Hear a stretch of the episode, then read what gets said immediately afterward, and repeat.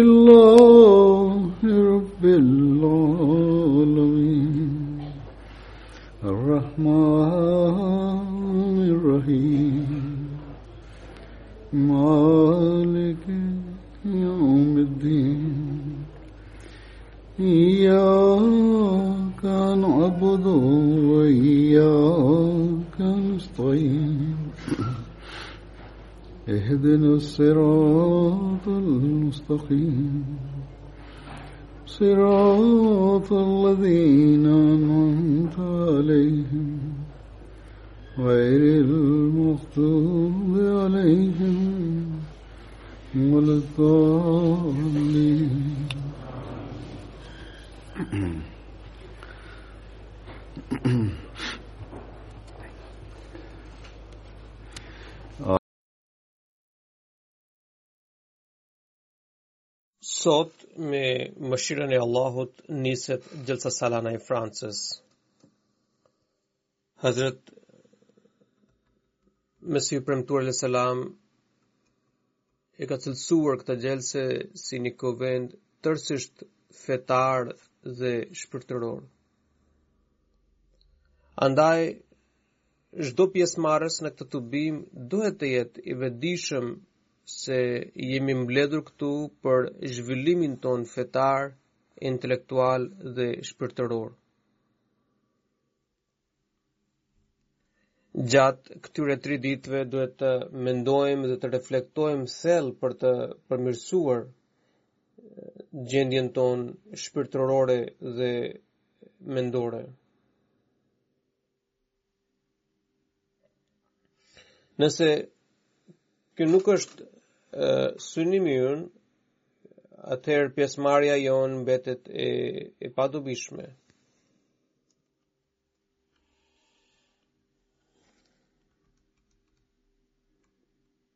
Në këtë kohë, bota po i largohet gjithnjë e më shumë besimit në Zot. Dhe ithtarët e çdo feje po u devijohen mësimeve të tyre, po largohen nga mësimet e tyre.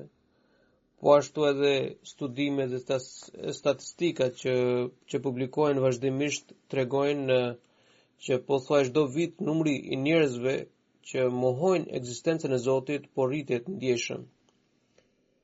Madje gjendja e muslimanëve gjithashtu na tregon që ata duhet të ata quhen të tillë pra quhen muslimanë vetëm me emër dhe materializmi ka ka kapluar të gjitha vendet muslimane.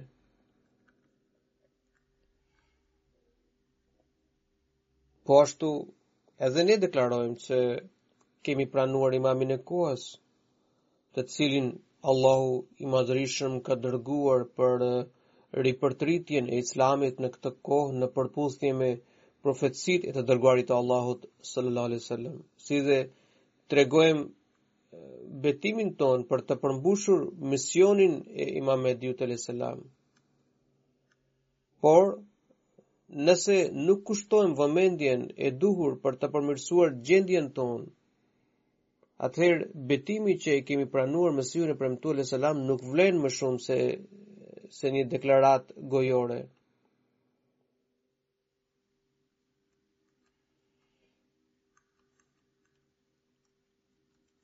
Pra, kjo do të mbetet vetëm një deklaratë gojore së cilës do t'i mungojë esenca dhe këtë deklaratë ose këtë betim nuk po e përmbushim në realitet dhe pjesëmarrja jonë në xhelsa do t'i ngjasojë pjesëmarrjes në një festival pra sikur është një festë.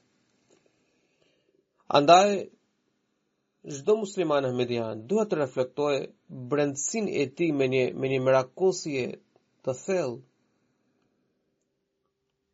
Po të kemi parasysh qëllimin që ka paraqitur Mesihu i Premtuar alejhi selam për këtë xhelse dhe të reflektojmë gjendjen tonë në këtë perspektivë, do të arrijmë jo vetëm synimin tonë, por edhe të përfitojmë nga lutjet e Mesihut të Premtuar alejhi selam. Në këtë rrugëtim do të përpiqemi që këto lutje të pastrojnë dhe të zbukurojnë jetën tonë në këtë dynja, po ashtu në ahiret, dhe këto bekime të na shoqërojnë përjetësisht.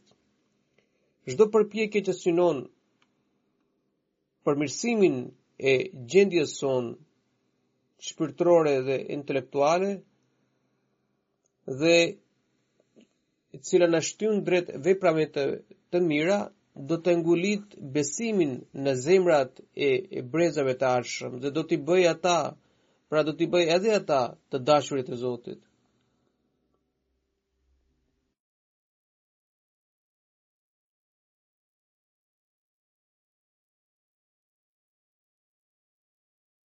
Në një kohë kur njeriu po distancohet nga krijuesi dhe rruga e besimit, pasardhësit tanë do të bëhen udhërrëfyes dhe pishtarë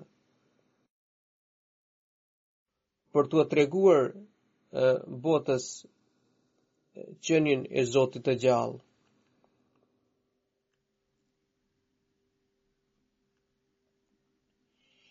Nëse me të vërtetë ne duam të përmbushim betimin e bejtit të besëlidhjes dhe duam të shpëtojmë brezat tanë të ardhshëm, ne duhet të reflektojmë në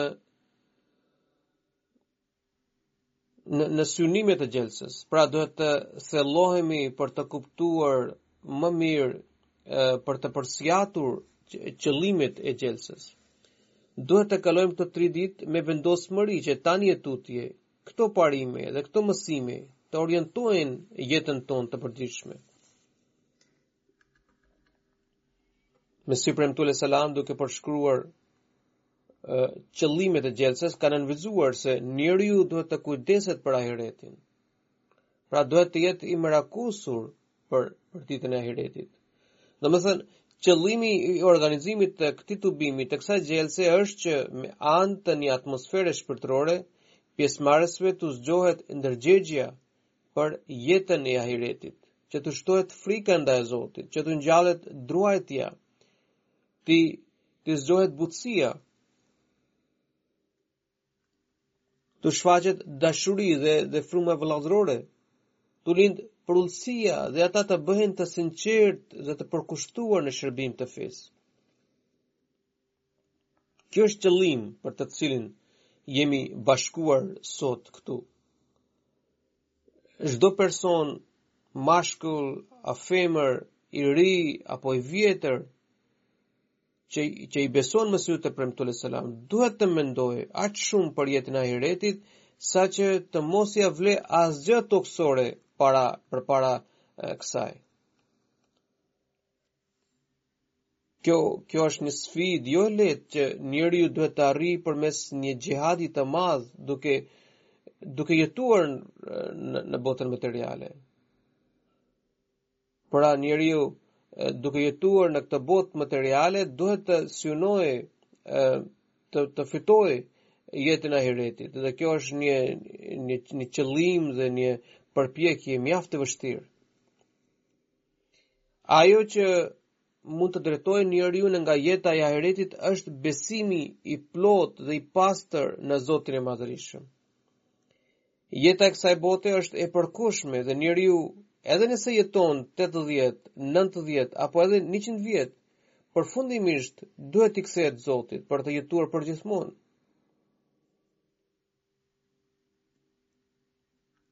Pra, jeta e ahiretit nuk ka fund, është e pafundme. Dhe njeriu i zgjuar, inteligjent, nuk shkëmben diçka të përkohshme në vend të asaj që është e përhershme. Megjithatë, në realitet ne humbasim jetën tonë të përhershme dhe zgjedhim këtë jetë të përkohshme dhe pastaj e quajmë veten të zgjuar dhe largpamës. Por besimtari duhet të veprojë në mënyrë krejtësisht tjetër. Sepse druajtja e Zotit sepse druajtja e Zotit ia pushton zemrën dhe dashuria ndaj krijuesit mbizotëron mbi çdo dëshirë tjetër. duhet sqaruar që druajtja dhe frika ndaj Zotit nuk buron nga nga frika e dënimit që e pret në ahiret, por nga frika që ai të mos zemërohet me të, pra Zoti të mos zemërohet me me robin. Njeriu mund t'u përmbahet porosive të Zotit vetëm atëherë kur ai e do atë me gjithë shpirt. Pra, kur njeriu i përkushtohet Zotit, i flijohet Zotit tërësisht, njeriu i tillë bën çdo vepër duke kujtuar për ahiretin. Ai është i bindur se vetëm Zoti ia plotëson nevojat dhe çdo dhuratë apo mirësi, qofshin materiale apo shpirtërore, burojnë vetëm prej tij.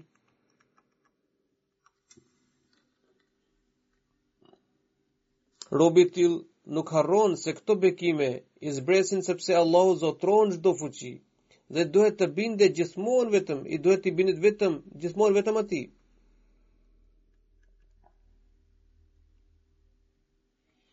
Zoti do të kënaqet kur robi kalon jetën duke i vënë në zbatim porositë e tij dhe duke ruajtur nga të ndaluarat.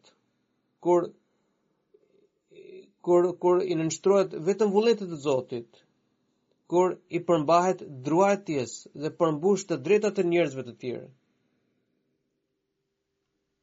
Pra kjo është rruga që duhet të ndjekur nga nga njeriu për të fituar dhe për të tërhequr kënaqësinë e Zotit. Vetëm duke vepruar në këtë mënyrë njeriu mund të tërheq bekimet dhe dhuntitë e Allahut dhe të tillë janë ata që quhen robër të druajtur. Pra, ata që i përmbahen çdo porosie të Allahut, të cilët kanë dhembshuri dhe butësi në shpirt. të cilët duan njëri-tjetrin për hir të Allahut dhe jo për interesin personal. Po ashtu,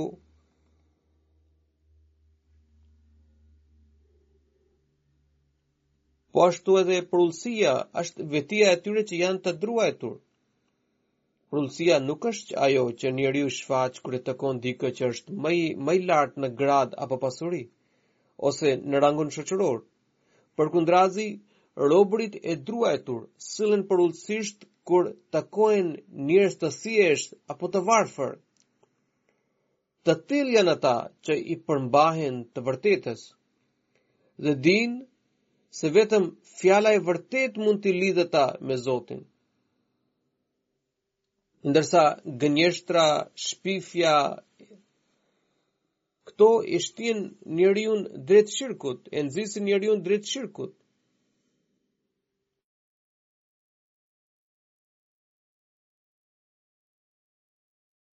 Një besimtar i cili gjithmonë mendon për jetën e ahiretit, i cili i frikësohet Allahut dhe kupton rëndësinë e druajtjes, nuk mund të guxojë të gënjejë.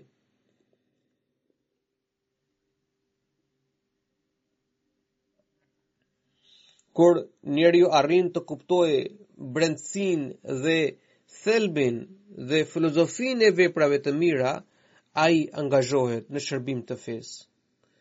Përndryshe, ka qindra mijëra djetarë muslimanë të cilët në dukje janë të angazhuar në shërbim të fesë, por në realitet po bëjnë padrejtësi në emër të Zotit.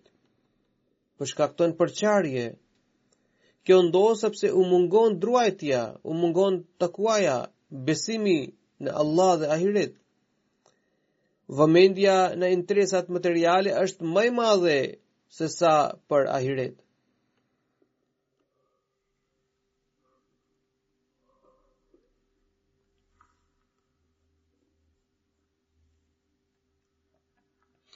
Ne duhet të kuptojmë se Mesihu i premtuar alayhis salam na kërkon që të arrijmë brendësinë, thelbin dhe jo të kënaqemi me me lëvozhgë.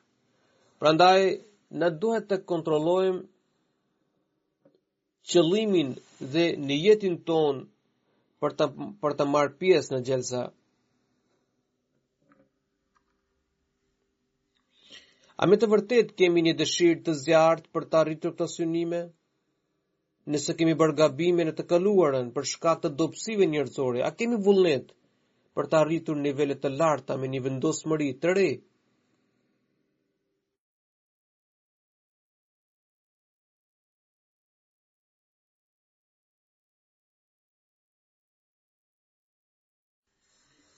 Le të betohemi sot se do t'i kushtojmë më shumë vëmendje ahiretit se sa dunjas. Druajtjes dhe dashurisë së Zotit do t'u japim epërsi kundrejt çdo gjëje tjetër, çdo tërheqje tjetër, çdo dëshire tjetër. Do të mundohemi ta kërkojmë gjithmonë atë shteg që na shton druajtje, e cila pra i cili na çon drejt drejt takuas.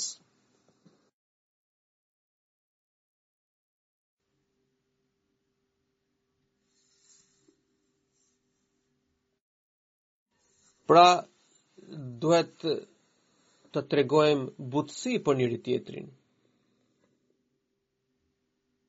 Le të betohemi se do të ushqejmë më shumë dashuri dhe më shumë vëllazëri, pra lidhje i ndjenjat vëllazërore në lidhje reciproke, saqë të bëhet shembullore për të tjerët. Pra, lidhjet tona vllazërore dhe dhe e, me njëri-tjetrin të bëhen shembullore për për të tjerët. Ne duhet të betohemi të përparojmë në sinceritet dhe përulësi dhe të shquhemi për shkak të vërtetësisë sonë. Dhe derisa edhe të tjerët dëshmojnë se muslimanët ahmedian gjithmonë flasin të vërtetën dhe asnjë humbje nuk i tremb ata, asnjë frik nuk i tremb ata. Po ashtu përkushtimi dhe dedikimi në shërbim, në shërbim të fesë, të jetë shembullore. Nëse me të vërtet ne kalojmë jetën tonë në përputhje me këto mësime, kemi mbushur betimin tonë.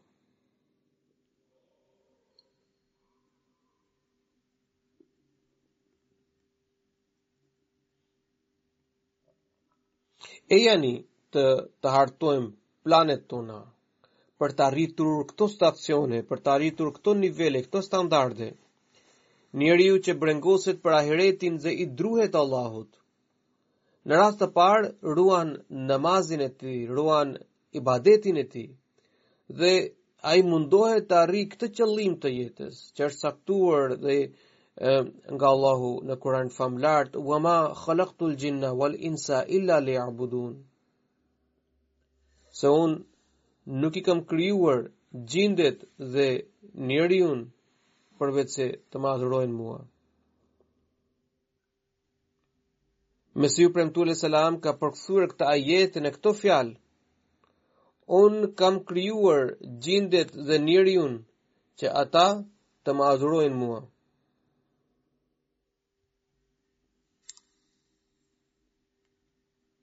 Pra ky është përkthimi që i ka bërë Mesihu i Premtuar alejhi selam këtij ajeti. Ai thotë që sipas këtij ajeti objektivi, qëllimi themelor i jetës së njeriut është njohja e Zotit, adhurimi i tij dhe nënshtrimi ndaj tij.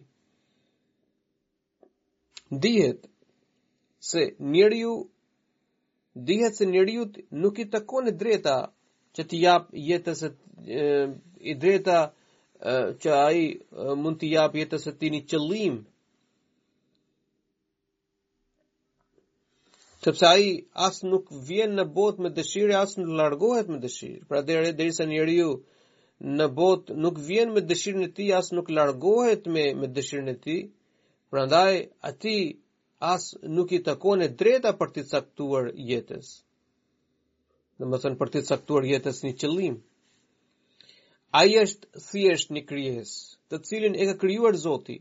Pra, ai jo vetëm që i ka dhënë njeriut aftësitë dhe fuqitë më të mira në krahasim me krijesa të tjera, por i ka caktuar një qëllim. Dash njeriu e kupton apo nuk e kupton këtë?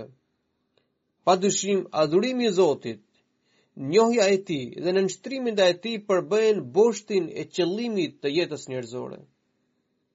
Pra ky është ai trekëndshi ë brenda të cilit ekziston ë pikësynimi i i i jetës njerëzore. Dhe mjeti që na ndihmon për të kalitur adhurimin e Zotit në mendjen tonë është namazi. Allahu ka thënë inna salata kanat ala al-mu'minina kitaban mawquta. Domethënë përmbajtja e namazit në kohën e tij është një obligim. Pra, falja e namazit në kohën e caktuar është një obligim. Mesihu i Premtuar alejhi selam ka thënë. Porosia për të falur namazin në kohën e tij është mjaft e pëlqyeshme për mua. Pra, është një çështje shumë e dashur për mua. Thotë, por shohim se njerëzit e kësaj kohe për çështje fare të parëndësishme neglizhojnë në kryerjen e namazit sipas orarit të tij dhe tregohen shpërfillës ndaj tyre. Madje disa nuk falen aspak. Në vend të pesë namazeve të obliguara për shkak të përtacisë, ata falin 3 apo 4 namaze. Ndërsa Allahu i Madhërishëm ka porositur qartë për mbrojtjen e namazit.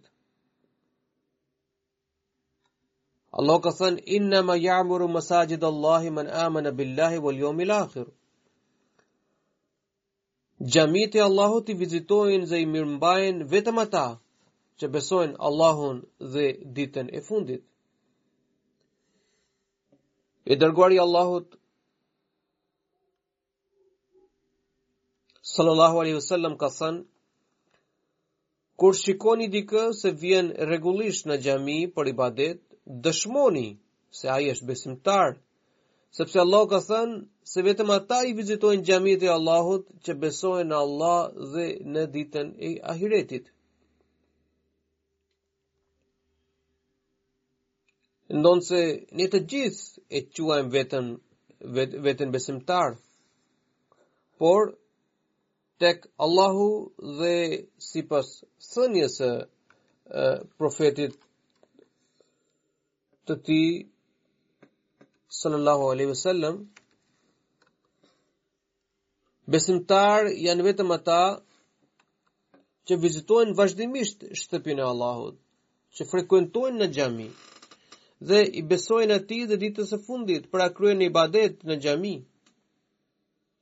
Nga një këndvështrim tjetër del që nuk mjafton vetëm vizita në xhami, por besimi tek Allahu dhe te dita e fundit. Pra, edhe këto çështje janë të rëndësishme. Një njeri që i beson Allahut dhe ditës së fundit kurrë nuk mund të bëjë veprime të dëmshme e të prapa në xhami. Pra, ato veprimet që janë të pahijshme dhe të pandershme. Një besimtar i cili frekuenton dhe shkon në xhami nuk mund të bëjë. Ai nuk mund të jetë kurrë në rrethin e atyre namazi i të cilëve i shpinë në shkat. Pra, një njeri i cili beson fuqimisht Allahut dhe ditës së fundit, kurrë nuk mund të jetë prej atyre njerëzve ibadeti dhe namazi i të cilëve i shpien në shkatërrim, të cilët në vend të kërkojnë pëlqimin e Allahut, ia tërheqin zemëratën. Përkundrazi, në brendësinë e tyre gjendet druajtja e sinqertë ndaj Allahut.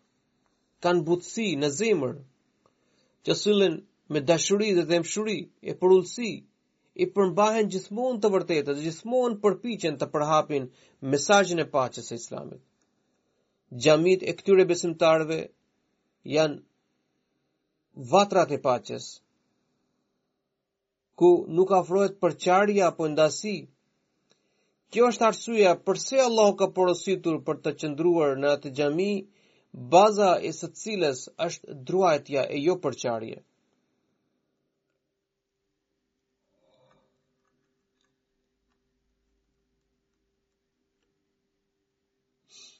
Në këtë mënyrë, besimtari që viziton xhaminë me takua, me druajtje, përmbush të gjitha obligimet që i takojnë ndaj Allahut dhe krijesës së tij.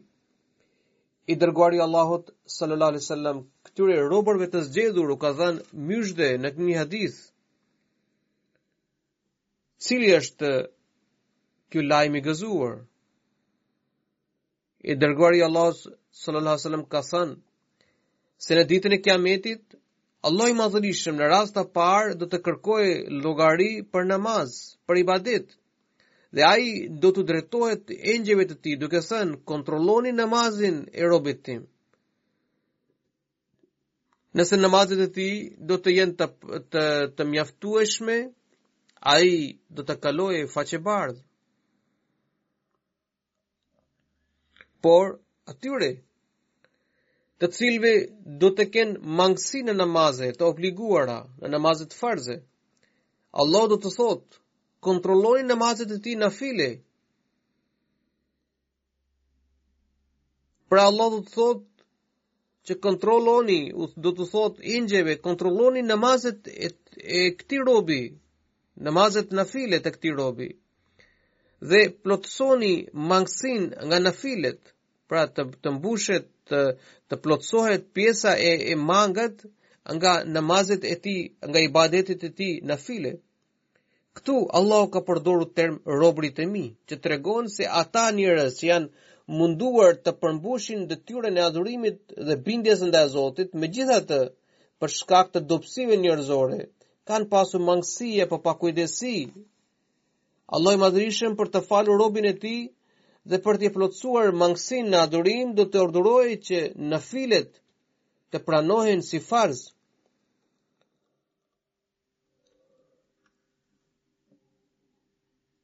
Dihet se nafilet falin vetëm ata që me të vërtetë i druajnë Allahut.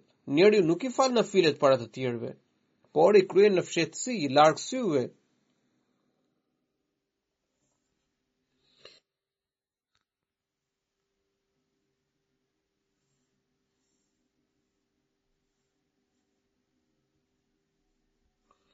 Kjo është një vepër e dalluar.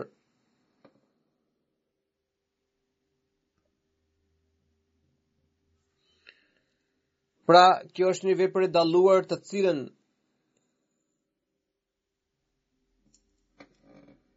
i bëjnë vetëm robërit e druajtur të Zotit.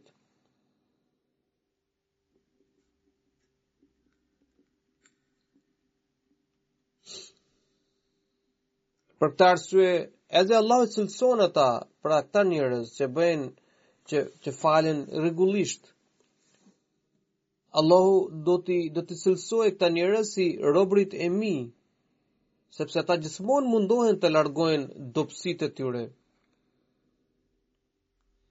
Kjo sjellje e mëshirës së Zotit tregon se namazi nuk është diçka e parëndësishme, por në ditën e Kiametit, në ditën e fundit, njerëzve së pari do t'u kërkohet llogari për të, për namaz, Allahu nëse na ka porositur për t'i kushtuar vëmendje namazit, ai gjithashtu na premton për mëshirën e tij.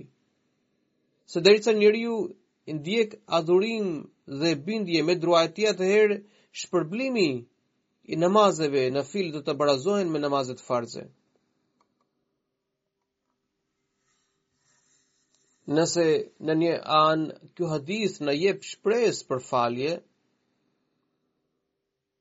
ai gjithashtu na nxit për të tërhequr mirësitë e Allahut përmes namazeve nafile. Në këtë mënyrë, besimtari i vërtetë përkufizohet ai i cili jo vetëm që kujdeset për obligimet e tij, për detyrat e tij, por edhe për veprat që duhet të bëjë vullnetarisht. Sepse nafilet plotësojnë mangësinë e farzeve, mangësinë e obligimeve, detyrave.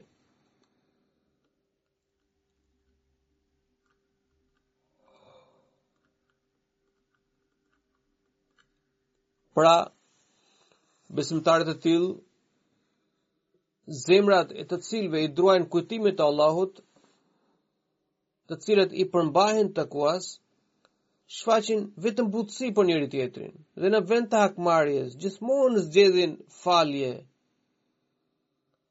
Ata kërkojnë dashurinë e Allahut, duke shfaqur dashuri, duke shfaqur dhembshuri dhe simpati për njëri tjetrin, me një frymë vetëmohuese dhe përulëse.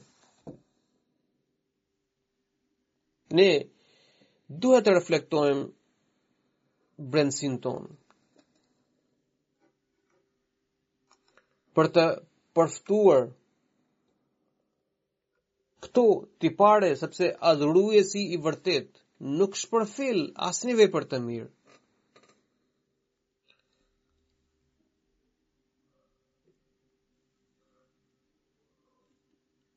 Por, njeriu i vrazhdë dhe i ashpër në sjellje dhe familja e të cilit, ë Pra, njeriu i vrazhdë dhe i ashpër në sjellje, familja e të cilit, të cilit vuan prej mizorisë së tij, gjithashtu është i privuar nga takuaja, është i është i larguar nga është larg prej prej druajtjes së Zotit.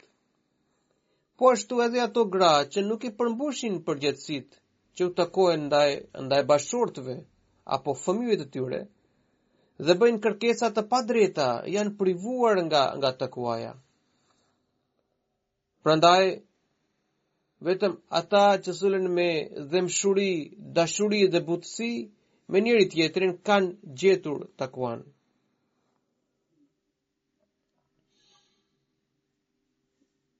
I dërguari i Allahut sallallahu alaihi wasallam ka thënë se Allahu i madhërishëm në ditën e Kiametit do të thotë ku janë ata që donin njëri tjetrin për hir të madhështisë dhe lartësisë sime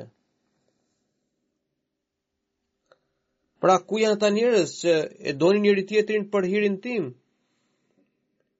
Dhe ai do të thotë sot kur nuk ekziston asnjë hije tjetër përveç hijes sime, unë dua t'i mbuloj ata, ata robërit e mi nën hijen time. Pra ata që u nënshtrohen plotësisht porosive të Allahut dhe e dhe ushqejnë dashuri për njëri tjetrin, tërheqin edhe dashurinë e Allahut.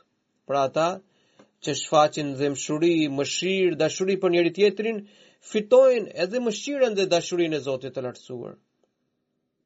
Ndërsa në rastin e kundërt, Ata ndjellin zemëratën e tij. Prandaj duhet të arrijmë këtë frymë në brendësin tonë. Kur ne hedhim parullën dashuri për të gjithë, urrejtje për askënd, para se t'u themi të tjerëve, së pari duhet të praktikojmë këtë slogan në shtëpinë tonë. Në këtë mënyrë Përmes një përpjekjeje të vogël, pa ndonjë punë të rëndë, mund të fitojmë hijen e Allahut, mund të fitojmë mëshirën dhe dashurinë e Allahut.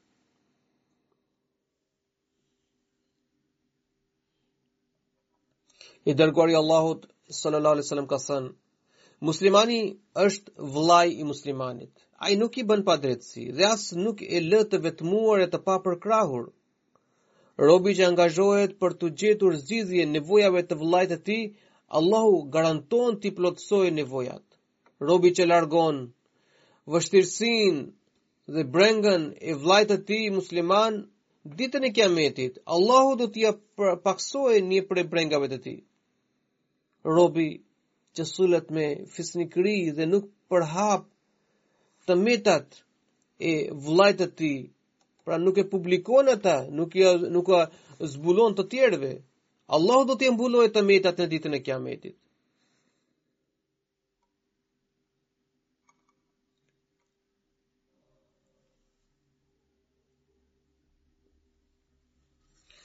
Pra Allahu gjithmonë na shikon me mëshirë, dhembshuri dhe na i fal gabimet.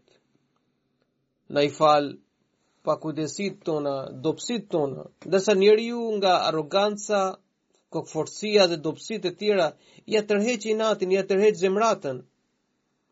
Për këtë arsye, duhet të reflektojmë mbi këto çështje me një shqetësim dhe merakosje. Duhet të orientojmë të menduarit tonë gjithmonë kah mirësi. Nuk duhet të harrojmë se kemi ardhur në këtë Xhelse me qëllimin që të dëgjojmë fjalë të arta, të kontrollojmë veten tonë, të reflektojmë mbi nivelin e adhurimeve tona dhe mbi sjelljen tonë me njerëzit e tjerë, të kuptojmë rëndësinë dhe thelbin e butësisë, dashurisë, dashurisë së ndërsjellë dhe dhe përulësisë.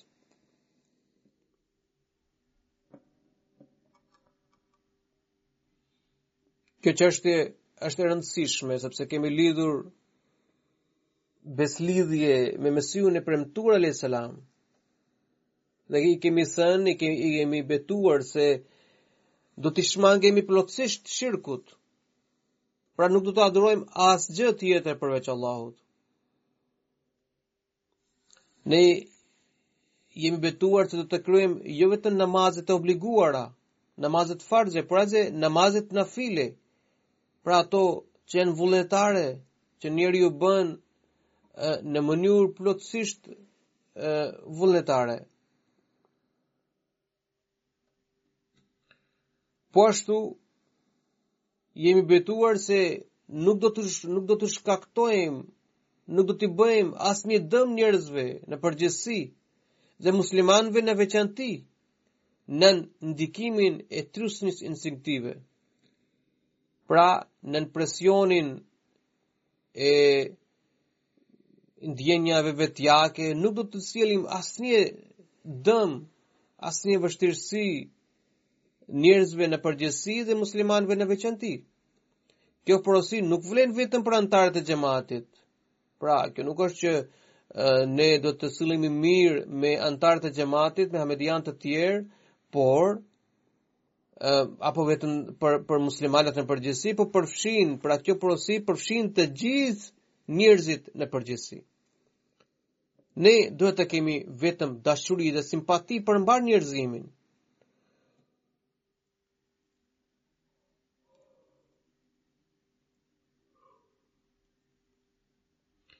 Pra, ne duhet të kemi vetëm dashuri dhe dhemshuri për mbarë njerëzimin dhe duhet të mënjanohemi nga dëshirat impulsive, nga nga eh, ndjenjat vetjake impulsive. Duhet të sillemi mirë me gjithë ata që janë varur prej nesh, qofshin ata që janë në punë ose në në në shtëpi, në familje.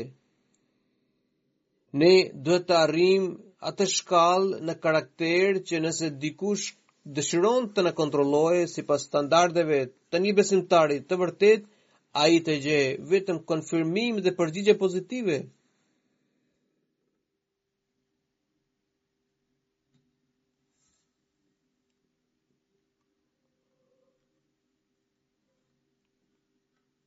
Mesihu i Premtuar alejhi selam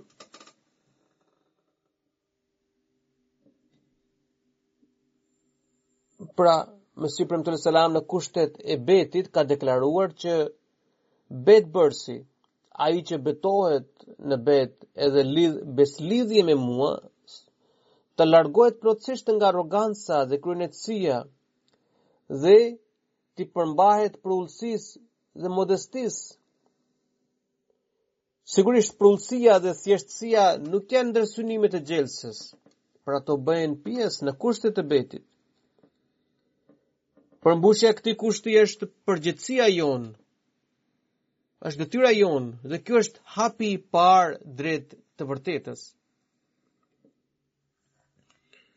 Ne duhet të lexojmë kohë pas kohe kushtet e betit për të reflektuar se a me të vërtetë po i respektojmë këto kushte në jetën tonë të përditshme. Nëse përgjigja është jo, atëherë jemi si ata që ndryshe flasin dhe ndryshe veprojnë. Kategori që është plotësisht e papëlqyeshme tek Zoti i Lartësuar. Atëherë, sjellja jonë, në vend që të shfaqë vërtetësinë tonë, do të nxjerrë në pah mashtrimin dhe hipokrizinë tonë. Derisa ekziston kjo mospërputhja, kjo mospërputhje midis fjalës dhe veprës, nuk kemi të drejtë të prokla, prokla, proklamojmë, ose të deklarojmë për përkushtimin dhe angazhimin tonë ndaj fesë.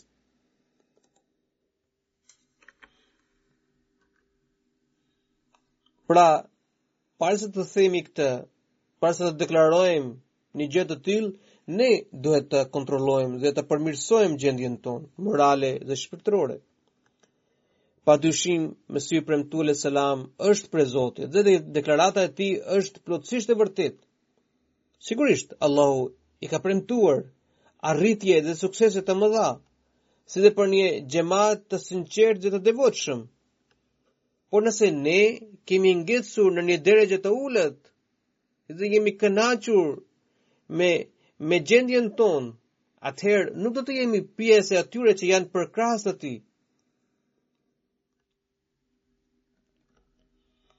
Përkundrazi, për të fituar bekimet e betit, duhet të reflektojmë në gjendjen tonë. Po ashtu të mendojmë për qëllimet e xhelsës. Duhet të meditojmë, duhet të përsiatim rreth këtyre synimeve.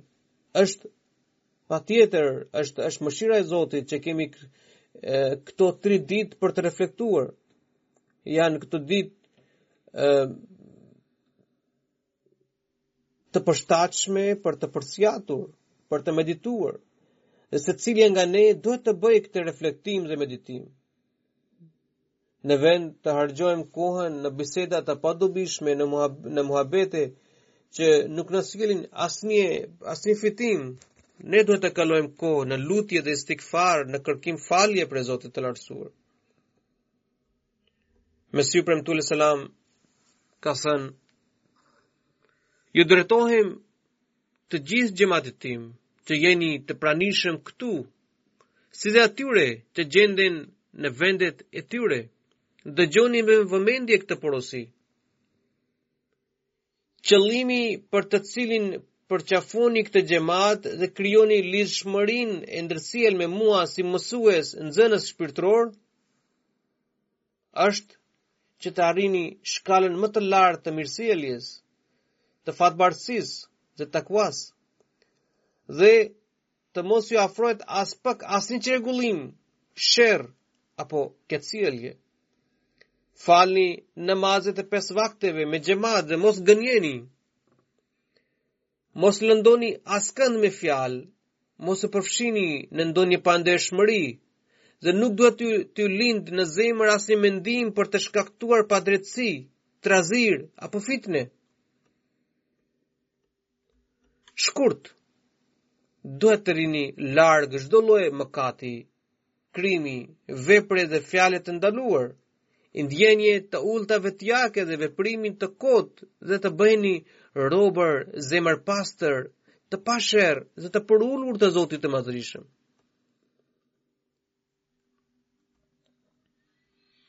Nuk duhet të keni asnjë brumë helmues në zemër. Dhembshuria ndaj të gjithë njerëzimit të jetë parimi juaj. T'i frikësoheni Zotit të Madhërishëm dhe t'i, t'i ruani gjuhën, duart dhe ndjenjat e zemrës suaj nga çdo lloj papastërtie. Pra, t'i ruani gjuhën, duart dhe ndjenjat e zemrës nga çdo lloj papastërtie, rebelimi dhe pandershmërie. Të falni namazet e pesë vakteve.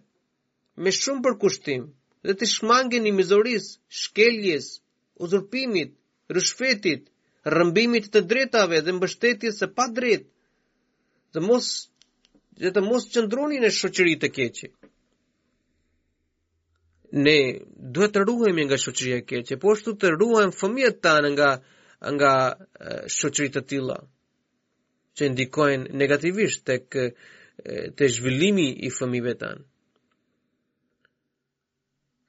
Ai Mesihu alejhi selam shkruan më tutje, nëse për një njeri me të cilin keni raporte të mira, mësoni se nuk u bindet porosive të Zotit apo nuk respekton aspak të drejtat shoqërore, apo ka shpirtligësi, poshtërsi dhe karakter të ulët, atëherë ju duhet ta largoni këtë ligësi nga mesi juaj, ju duhet t'i ndërprisni marrëdhëniet me të dhe t'i shmangeni njeriu të tillë.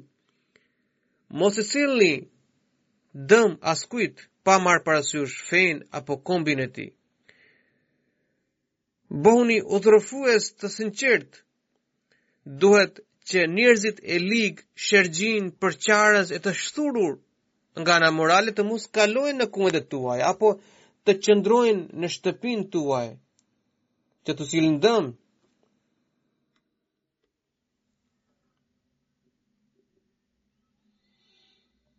Pra, çdo musliman ahmedian duhet të kërkojë një shoqëri të mirë, të dobishme, të sinqert që e nxit drejt Zotit, që e shtyn drejt Zotit dhe jo anasjelltas. Mesihu i Premtuar selam shkruan, duhet që takimet tuaja të mos jenë me papastërti, përqeshje dhe nënçmim, ecni nëpër tokë duke qenë zemërpastër, shpirtmirë dhe mendjedëlirë, dhe mbani mend, jo çdo gjë, jo çdo e keqe është e denjë të luftohet, andaj ju e ju duhet që në, në shumicën e rasteve të falni, të toleroni e të punoni me durim dhe vetëpërmbajtje. Mos sulmoni dikë padrejtësisht dhe mbajini nën kontroll ndjenjat tuaja. Kur bisedoni rreth fesë, flisni fjalë të buta dhe tregoni kulturë. Por nëse bashkëbiseduesi sillet me injorancë, duhet t'i thoni përshëndetje dhe të, dhe të largoheni prej tij. Zoti dëshiron t'ju bëjë një xhemat që është shembullor në virtyte dhe mirësjellje. Andaj zgjohuni dhe për një mend bëhuni zemërdëlirë, të përulur dhe të sinqertë. Ju do të ndiheni pra ai thotë Ju do të njiheni nga namazet tuaja të pesë vakteve dhe nga gjendja juaj morale. Ai që ka farën e ligësisë nuk mund t'i përmbahet kësaj këshille. Allahu na mundësoftë të përmbushim për një mend betimin e bejtit me Mesihun e premtuar alejhi salatu uesselam.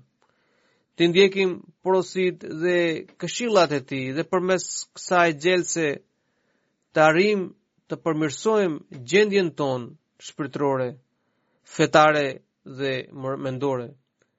Allahu